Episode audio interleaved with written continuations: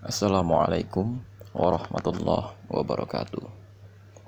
Saat ini kita akan kembali memasuki masa dakwah jahriyah, tapi kita akan terfokus kepada tadabbur beberapa surat yang sudah diturunkan pada masa dakwah jahriyah. Di antara beberapa surat yang kemudian turun pada masa dakwah jahriyah ini adalah surat Ghafir, surat ke-40, surat Az-Zumar, surat ke-39, surat Al-Fussilat surat ke-41 dan kemudian juga surat Al-Furqan, surat Toha, surat Asy-Syu'ara dan beberapa fragmen-fragmen dari surat uh, Al-Alaq gitu ya dan mayoritas juz 30 itu diturunkan pada masa dakwah jahriyah. Gitu ya. Jadi memang kebanyakan ayat-ayat Al-Qur'an yang bicara mengenai azab, yang juga berbicara mengenai masalah peradaban, yang berbicara mengenai masalah bagaimana sikap kita kepada ilmu diturunkan di masa periode dakwah jahriyah. Secara ilmu pendidikan, gitu ya. Kalau di masa periode dakwah Siriah itu kebanyakan yang turun itu e, persoalan-persoalan bagaimana kita menyikapi Al-Qur'an. Tapi kalau di periode dakwah jahriyah ini, ini yang keluar bagaimana cara kita memandang kehidupan dan bagaimana cara kita memandang Al-Qur'an kalau mau kita teliti lebih jauh sedikit justru gitu ya ayat-ayat Al-Qur'an yang memang malah bicaranya itu mengenai Nabi Muhammad sendiri.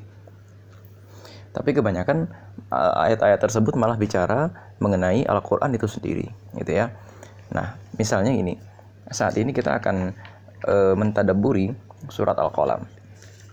Nah, jika kita memperhatikan dengan baik surat Al-Qalam gitu ya. Surat ini adalah surat ke-68 terdiri dari 62 ayat Uh, mari kita perhatikan sama-sama. A'udzu billahi minasyaitonir rajim. Bismillahirrahmanirrahim. Nun wal qalami wa ma yasturun. Ma anta bi ni'mati rabbika bimajnun wa inna laka la ajran ghairu mamnun wa innaka la ala khuluqin azim. Fasatubsiru wa yubsiru nabi ayyikumul maftun dan seterusnya. Nun demi pena dan apa yang mereka tuliskan dengan karunia Tuhanmu, engkau bukanlah orang gila. Dan sesungguhnya engkau pasti mendapat pahala yang besar dan tidak putus-putusnya. Dan sesungguhnya engkau benar-benar berbudi pekerti yang luhur. Maka kelak engkau akan melihat mereka dan mereka pun akan melihat. Siapa di antara kamu yang gila? Sungguh Tuhanmu Dialah yang paling mengetahui siapa yang sesat dari jalannya, dan dialah yang paling mengetahui siapa yang mendapat petunjuk.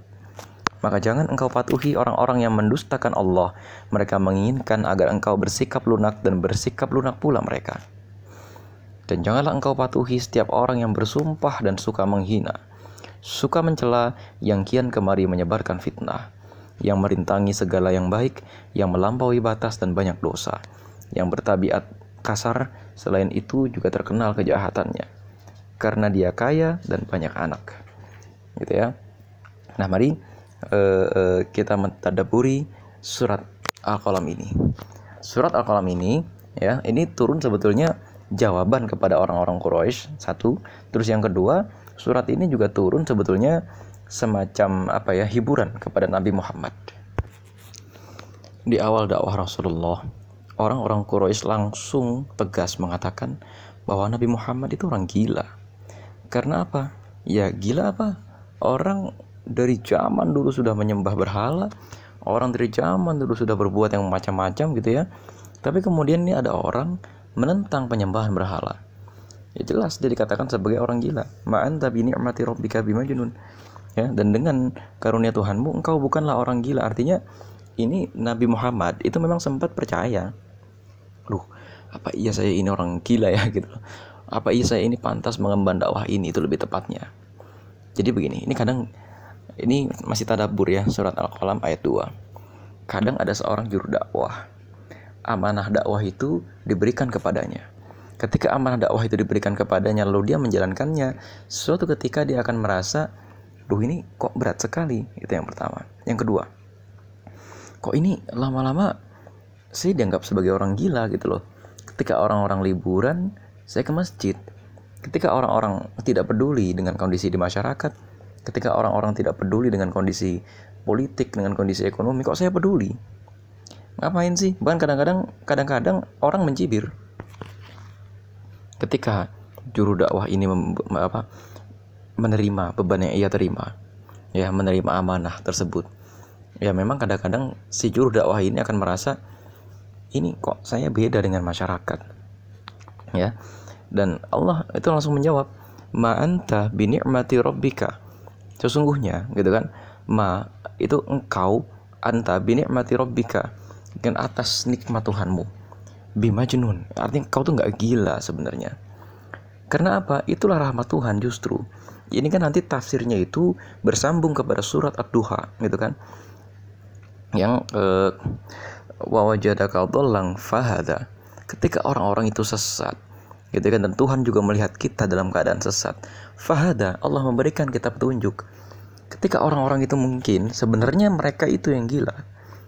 Ketika orang-orang itu bisa menyembah Allah, ketika orang-orang itu mungkin bisa sholat untuk menenangkan hatinya, ketika orang-orang itu punya tawaran peradaban, mereka meninggalkannya dan kemudian mengembangkan pemikiran-pemikiran yang baru untuk menggantikan pemikiran-pemikiran ketuhanan. Justru mereka itu yang gila, kan gitu.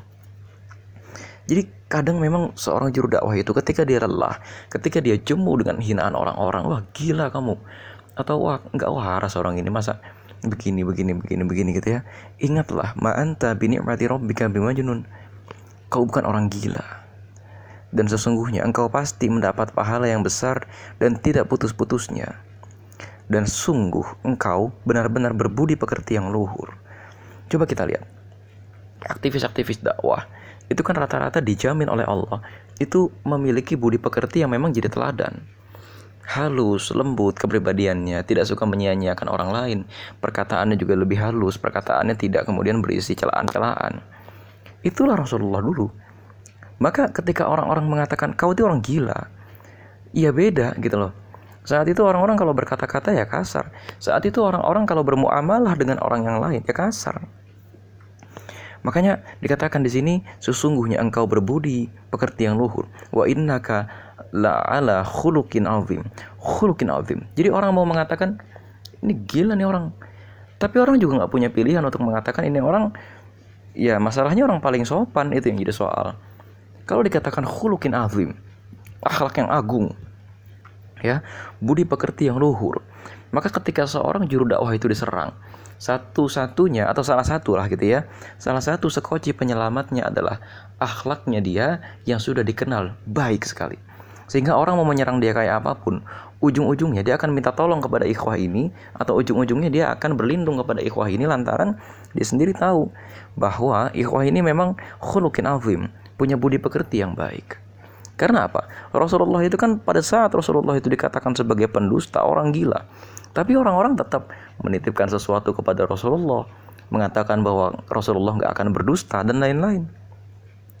Jadi para aktivis dakwah sekalian, memang kita itu kadang-kadang akan dikatain orang, orang gila, orang nggak konkret ya, orang nggak punya dasar, orang yang apa namanya nggak nggak punya progresivitas, orang yang nggak cerdas, nggak apa segala macam. Tapi kalau ditanya siapa orang yang khulukin azim, jawabannya pasti aktivis dakwah karena memang tujuan utama dakwah itu mengembalikan akhlak yang rusak. Makarimal akhlak. Ya, artinya menyempurnakan akhlak. Nah, kalau sekarang aktivis dakwah tidak diiringi dengan perbaikan akhlak, semua orang itu bisa bikin podcast. Semua orang itu bisa bikin konten di YouTube. Semua orang anonim itu bisa saja ceramah khotib Jumat. Semua orang itu bisa saja ambil ceramah di TV dan lain-lain. Tapi masalah khulukin azim ini hanya bisa dimiliki oleh seorang juru dakwah sejati. Karena agama Islam tidak bisa disampaikan hanya teks, gitu ya. Dan ini juga sebenarnya merupakan jawaban bagi orang-orang yang mencukupkan dirinya belajar hanya dari media sosial, dari YouTube atau hanya dari buku. Buku, media sosial, YouTube, dan lain-lain tidak mengajarkan kita pada perkara khulukin azim. Kenapa di sini Allah mengatakan Nabi Muhammad itu khulukin azim. Bukan dikatakan ini kan pertanyaannya orang-orang itu kan, loh, ini orang nyembah Allah ngapain? Kenapa Allah tidak mengatakan Tuhan mereka palsu sekalian? Atau kenapa Allah tidak mengatakan serangannya itu e, mereka akan musnah dan lain-lain? Enggak. Ya, itu di surat lain memang ada, tapi kemudian tendensi dari surat Al-Qalam ini adalah coba lihat, kalau memang seruannya mereka ini adalah gila, kalau memang seruan mereka ini Maka kemudian Allah nanti mengatakan dalam ayat kelima, ya. Fasatu busiru wa yubsirun. Maka engkau akan kelak melihat dan mereka juga akan melihat. Bi ayyikumul maftun. Siapa yang gila? Lihat aja nanti. Ya, karena ujung-ujungnya nanti begini, lihat deh, para aktivis dakwah itu kan orang-orang yang secara akhlak itu paling baik. Dan orang-orang yang menentang dakwah itu rata-rata emang secara akhlak itu nggak baik. Ya mungkin kalau zaman itu mabuk itu masih halal. Tapi kan kalau zaman sekarang orang-orang yang mabuk, menyia-nyiakan perempuan gitu ya, menzinahi orang, orang-orang yang memang secara akhlak juga tidak bagus, kata-katanya kotor dan lain-lain. Dan memang salah satu ciri-ciri orang yang sedang dekat dengan Tuhan, orang yang diberikan karunia Tuhan, adalah orang-orang yang memang secara akhlak itu memiliki khulukin azim. Dengan karunia Tuhan engkau bukanlah orang gila. Artinya apa? Ketika kita berdakwah, dakwah itu adalah sesuatu karunia Tuhan. Hanya orang yang bisa di hanya orang yang diberikan karunia lah. Orang yang bisa berdakwah. Artinya gimana? Dakwah itu salah satu perangkatnya adalah khulukin azim. Kalau kita tidak punya perangkat khulukin azim ini, ya bisa sih mungkin kita menyampaikan nasihat-nasihat kebaikan. Tapi dakwah kita menjadi tidak utuh. Karena perangkat utamanya adalah khulukin azim. Dan nanti Allah akan menantang. Coba lihat. Kalau kita ini dikatakan gila. Lihat aja. Bandingkan biar masyarakat yang menilai siapa di antara kamu yang gila. Dan ayat ketujuh, sungguh dialah yang paling mengetahui siapa yang sesat dari jalannya dan dialah yang paling mengetahui siapa orang yang mendapat petunjuk. Kan? Nah, eh, fayudhinun dan lain-lain gitu ya. Janganlah engkau patuhi orang-orang yang mendustakan ayat-ayat Allah Kenapa? Mereka menginginkan agar engkau bersikap lunak. Maka mereka bersikap lunak pula. Dan janganlah engkau patuhi setiap orang yang suka bersumpah dan suka menghina, yang suka mencela, kian kemari menyebarkan fitnah. Ini juga bicara mengenai orang-orang Quraisy gitu ya. Jadi begini. Mereka menginginkan agar engkau bersikap lunak. Semua orang itu nanti akan datang kepada Nabi Muhammad dan bilang, udahlah tolong jangan bahas masalah ketuhanan. Kau boleh bahas soal moral. Kau boleh bahas soal akhlak. Kau boleh bahas persoalan uh, apa kebaikan dan lain-lain. Tapi kau jangan sekali-kali bahas masalah ketuhanan. Kan itu sasarannya. Kau jangan bawa Al-Quran lagi deh ke sini. Jangan bawa-bawa agama ya mereka menginginkan engkau bersikap lunak tudhinu fayudhinun halla fimmahin dan janganlah engkau patuhi setiap orang yang suka bersumpah dan suka menghina. Suka mencela, kian kemari menyebarkan fitnah. Gitu ya. Manna'ilin khailir, manna'ilil khairi mu'tadin afim.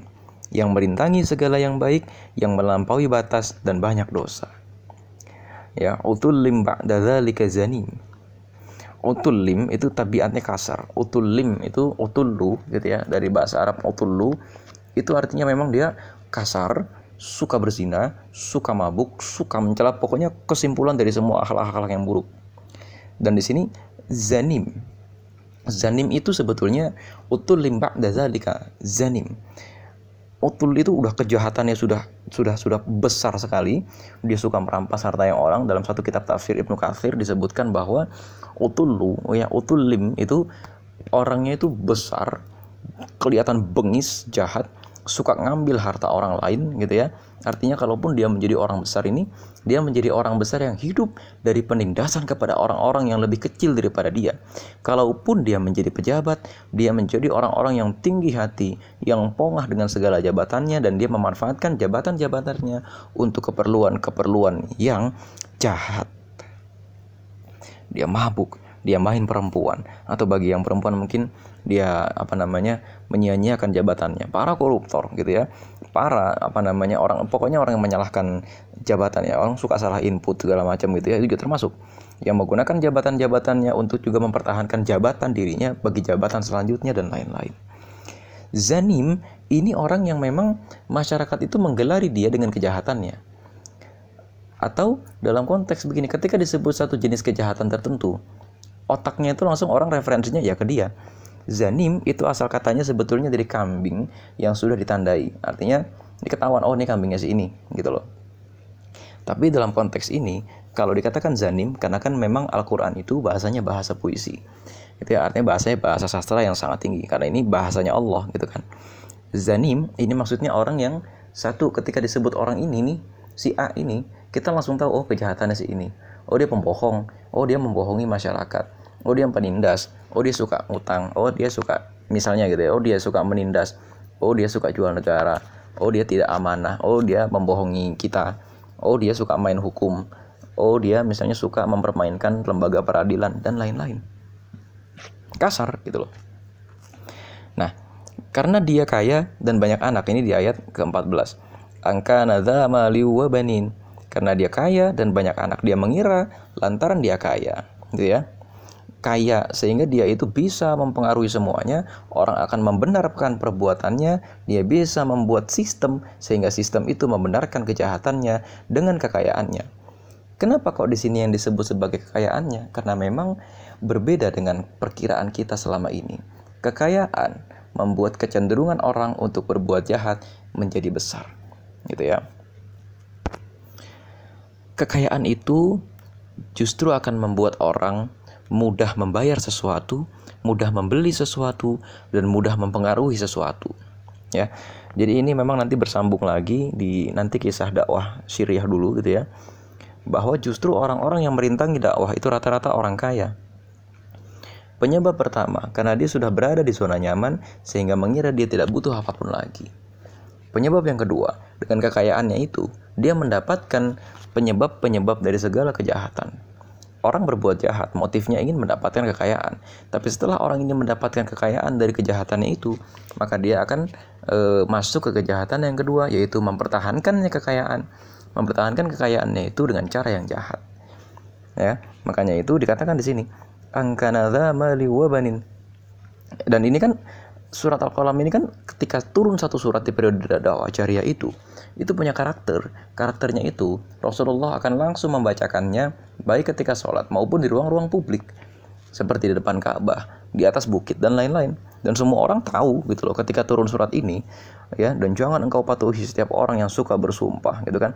Wala tuti' kulla halafim mahin masya'im binamin manna'il lil khairi mu'tadin athim. Dan seterusnya. Ini kan dibacakan di depan Ka'bah.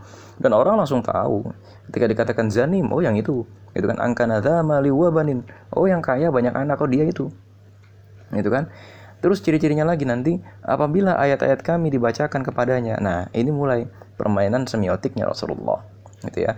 Apabila ayat-ayat kami dibacakan apabila Al-Qur'an itu dibacakan kepadanya dia berkata ya ini adalah dongeng-dongeng asatirul awalin orang-orang yang terdahulu coba kita lihat di ayat-ayat sebelumnya ini orang yang mendustakan Al-Quran distempel sama Allah, di stigma orang yang suka mendustakan Al-Quran itu. Jadi gini, ini permainan simbol. Satu, Rasulullah itu akhlaknya baik, khulukin azim. Lalu di ayat-ayat selanjutnya itu dikatakan, jangan engkau patuhi orang-orang yang mendustakan Allah. Ini permainan semiotik. Orang yang tidak mendustakan Allah, menerima ayat-ayat Allah, punya karakter khulukin azim.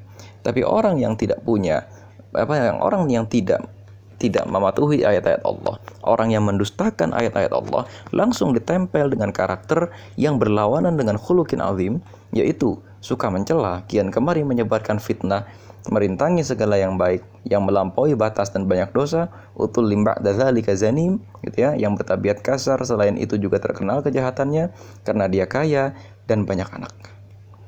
Artinya fungsi agama di sini juga diterangkan nih dalam surat Al-Qalam Kenapa sih kita harus mematuhi suruhan Allah? Ini loh, tipe dakwah jahriyah itu, itu tipe dakwah yang memang dari ayat-ayat yang sangat singkat itu susah di susah dijawab, undebatable gitu loh. Ayat-ayatnya jelas. Kalau Anda mematuhi agama, ini ada jawaban buat Anda. Jawaban atas apa? Anda ini kan merindukan tegaknya tatanan. Anda ini kan merindukan kembalinya moral masyarakat. Dan ini sekarang ada jawabannya. Jawabannya apa? Ayat-ayat Allah ya kan? Maka nanti ketika ayat-ayat kami dibacakan kepadanya, nih ciri-ciri orang jahat. Ayat-ayat kami dibacakan kepadanya, dia mengatakan qala asatirul awalin. Ini dongeng orang-orang terdahulu, asatirul awalin. Kok dia bisa bilang dongeng? Isinya emang apa? Isinya kan pada saat itu kisah-kisah. Nah, pada periode ini sudah turun ayat-ayat Al-Qur'an mengenai kisah-kisah. Di antaranya surat Sad, ya. Surat Sad itu yang isinya itu mengenai kisah Nabi Daud Nabi Sulaiman, Nabi Ayub dan kisah Adam. Surat Ghafir, di mana di surat Ghafir ini turun kisah Nabi Musa. Turun juga surat An-Nazi'at. Turun juga nanti itu surat Asy-Syu'ara, isinya kisah Nabi Musa juga. Turun surat Al-Qamar. Al-Qamar itu kan isinya tentang yang kadzabat qablahum, mendustakan itu sebelum mereka. Kisah ini, kisah ini, kisah ini, kisah ini. Diterangkan sama Rasulullah, ya. Maka mereka mengatakan ini kisah orang-orang terdahulu ini mah kita udah tau lah sama ceritanya gitu kan. Begini begini begini begini. Rasulullah itu cuma menceritakan dongeng aja. Rasulullah itu si Muhammad ini nih cuma bisa merangkai kata-kata aja biar bagus gitu loh cuma bisa ngomong aja gitu kan tapi aslinya mah ini begini begini begini begini tapi kata Allah ya udah kalau gitu lihat aja innaka ala khuluqin azim dia akhlaknya bagus oke kalau emang kalian katakan ini adalah dongeng orang terdahulu ya kan tapi kenapa dengan dia membacakan dongeng terdahulu ini, akhlaknya itu menjadi azim, khuluknya itu menjadi azim. Nah ini bentuk tantangannya Allah. Itu aspek yang pertama. Aspek yang kedua, eh, di sini ada permainan semiotik ya, permainan tanda-tanda budaya. Kita harus memang berani menjudge. Kalau sekarang kan orang mengatakan, tuh lihat perkosaan itu ternyata nggak semua bajunya terbuka, ada juga yang bajunya rapet tapi diperkosa. Ini kan permainan simbol. Nah, kita harus bisa menjelaskan dengan baik kalau begitu. Nah, justru itulah di situ pentingnya peran agama. Agama itu membuat orang tidak mau memperkosa. Itu yang pertama. Yang kedua, agama membuat seorang perempuan fitrahnya terus menjaga dirinya sehingga menghindarkan diri dari bahaya diperkosa. Kan gitu. Kenapa kok ada laki-laki memperkosa? Rata-rata jawabannya kami digelincirkan oleh setan. Coba aja lihat berita ya. Belakangan ini muncul satu selebaran dari satu organisasi namanya Remo TV gitu ya. Ini membahas bagaimana pemberitaan tentang perkosaan atau kejahatan seksual di media massa. Rata-rata pelakunya itu di, di eufemisme artinya dihalus-haluskan bahasanya. Apa itu? Saya khilaf. Saya begini saya begitu saya begitu. Saya digelincirkan setan dan lain-lain. Nah kalau begitu ini kan solusinya apa? Solusinya agar orang itu tidak khilaf. Dia mengenal Tuhan. Dia itu punya agama. Ya kan? Dan agama itu dalam konteks yang mendalam sekali dalam hatinya. Bukan sekedar dipeluk saja bukan sekedar yang kemudian Islam KTP saja. Maka nanti agama itu akan membuat kita akan sama akhulukin azim. Dan agama nanti akan membuat kita nggak zanim kita nggak utulim ba'da zalika zanim. Gitu loh. Kemudian di sini Allah ngatain gitu. Allah itu menyerang kelak gitu ya sanesimuhu alal khurtum Allah Allah mengatakan begini kami akan beli, beri tanda dia kepada belalainya. Ya, belalai itu maksudnya jadi hidung, hidung itu maksudnya gini. Allah tuh mengatakan nanti orang itu, gitu ya, orang-orang semacam itu tuh akan kita kasih tanda di hidungnya di hari kiamat. Artinya orang ini akan diperlihatkan kejahatan-kejahatannya dan orang juga akan menggelarinya dengan penjahat-penjahat. Oke, hari ini mereka berkuasa. Oke, hari ini mereka kaya. Banyak uang, kaya dan lain-lain tapi secara moral itu jatuh. Ini sebetulnya juga nasihat buat penduduk kota Mekah pada saat itu. Apa nasihatnya? Lihat, oke memang Muhammad tidak menjanjikan kekayaan bagimu. Memang Muhammad juga tidak menjanjikan kemakmuran bagimu, tidak menjanjikan anak yang banyak. Anak yang banyak ini tentu dalam konteks anak yang menjadi qurrata ayun, anak yang mungkin kuliahnya tinggi. Ya, anak yang mungkin ah macam-macam. Tapi secara akhlak itu gimana? apakah peradaban kita itu bisa ditolong? Peradaban kita itu bisa disangga tanpa khulukin azim. Terletak perbaikan ya di sini. Terletak perbaikan masyarakat terletak perbaikan peradaban sekaligus dikasih tahu caranya. Dari apa? Perbaikan akhlak-akhlak individu sehingga secara sistemik peradaban akan membaik jadi ini nggak banyak masalah fikih, nggak banyak. Ini juga nggak nggak nggak berbusa-busa menjelaskan masalah ketuhanan, enggak.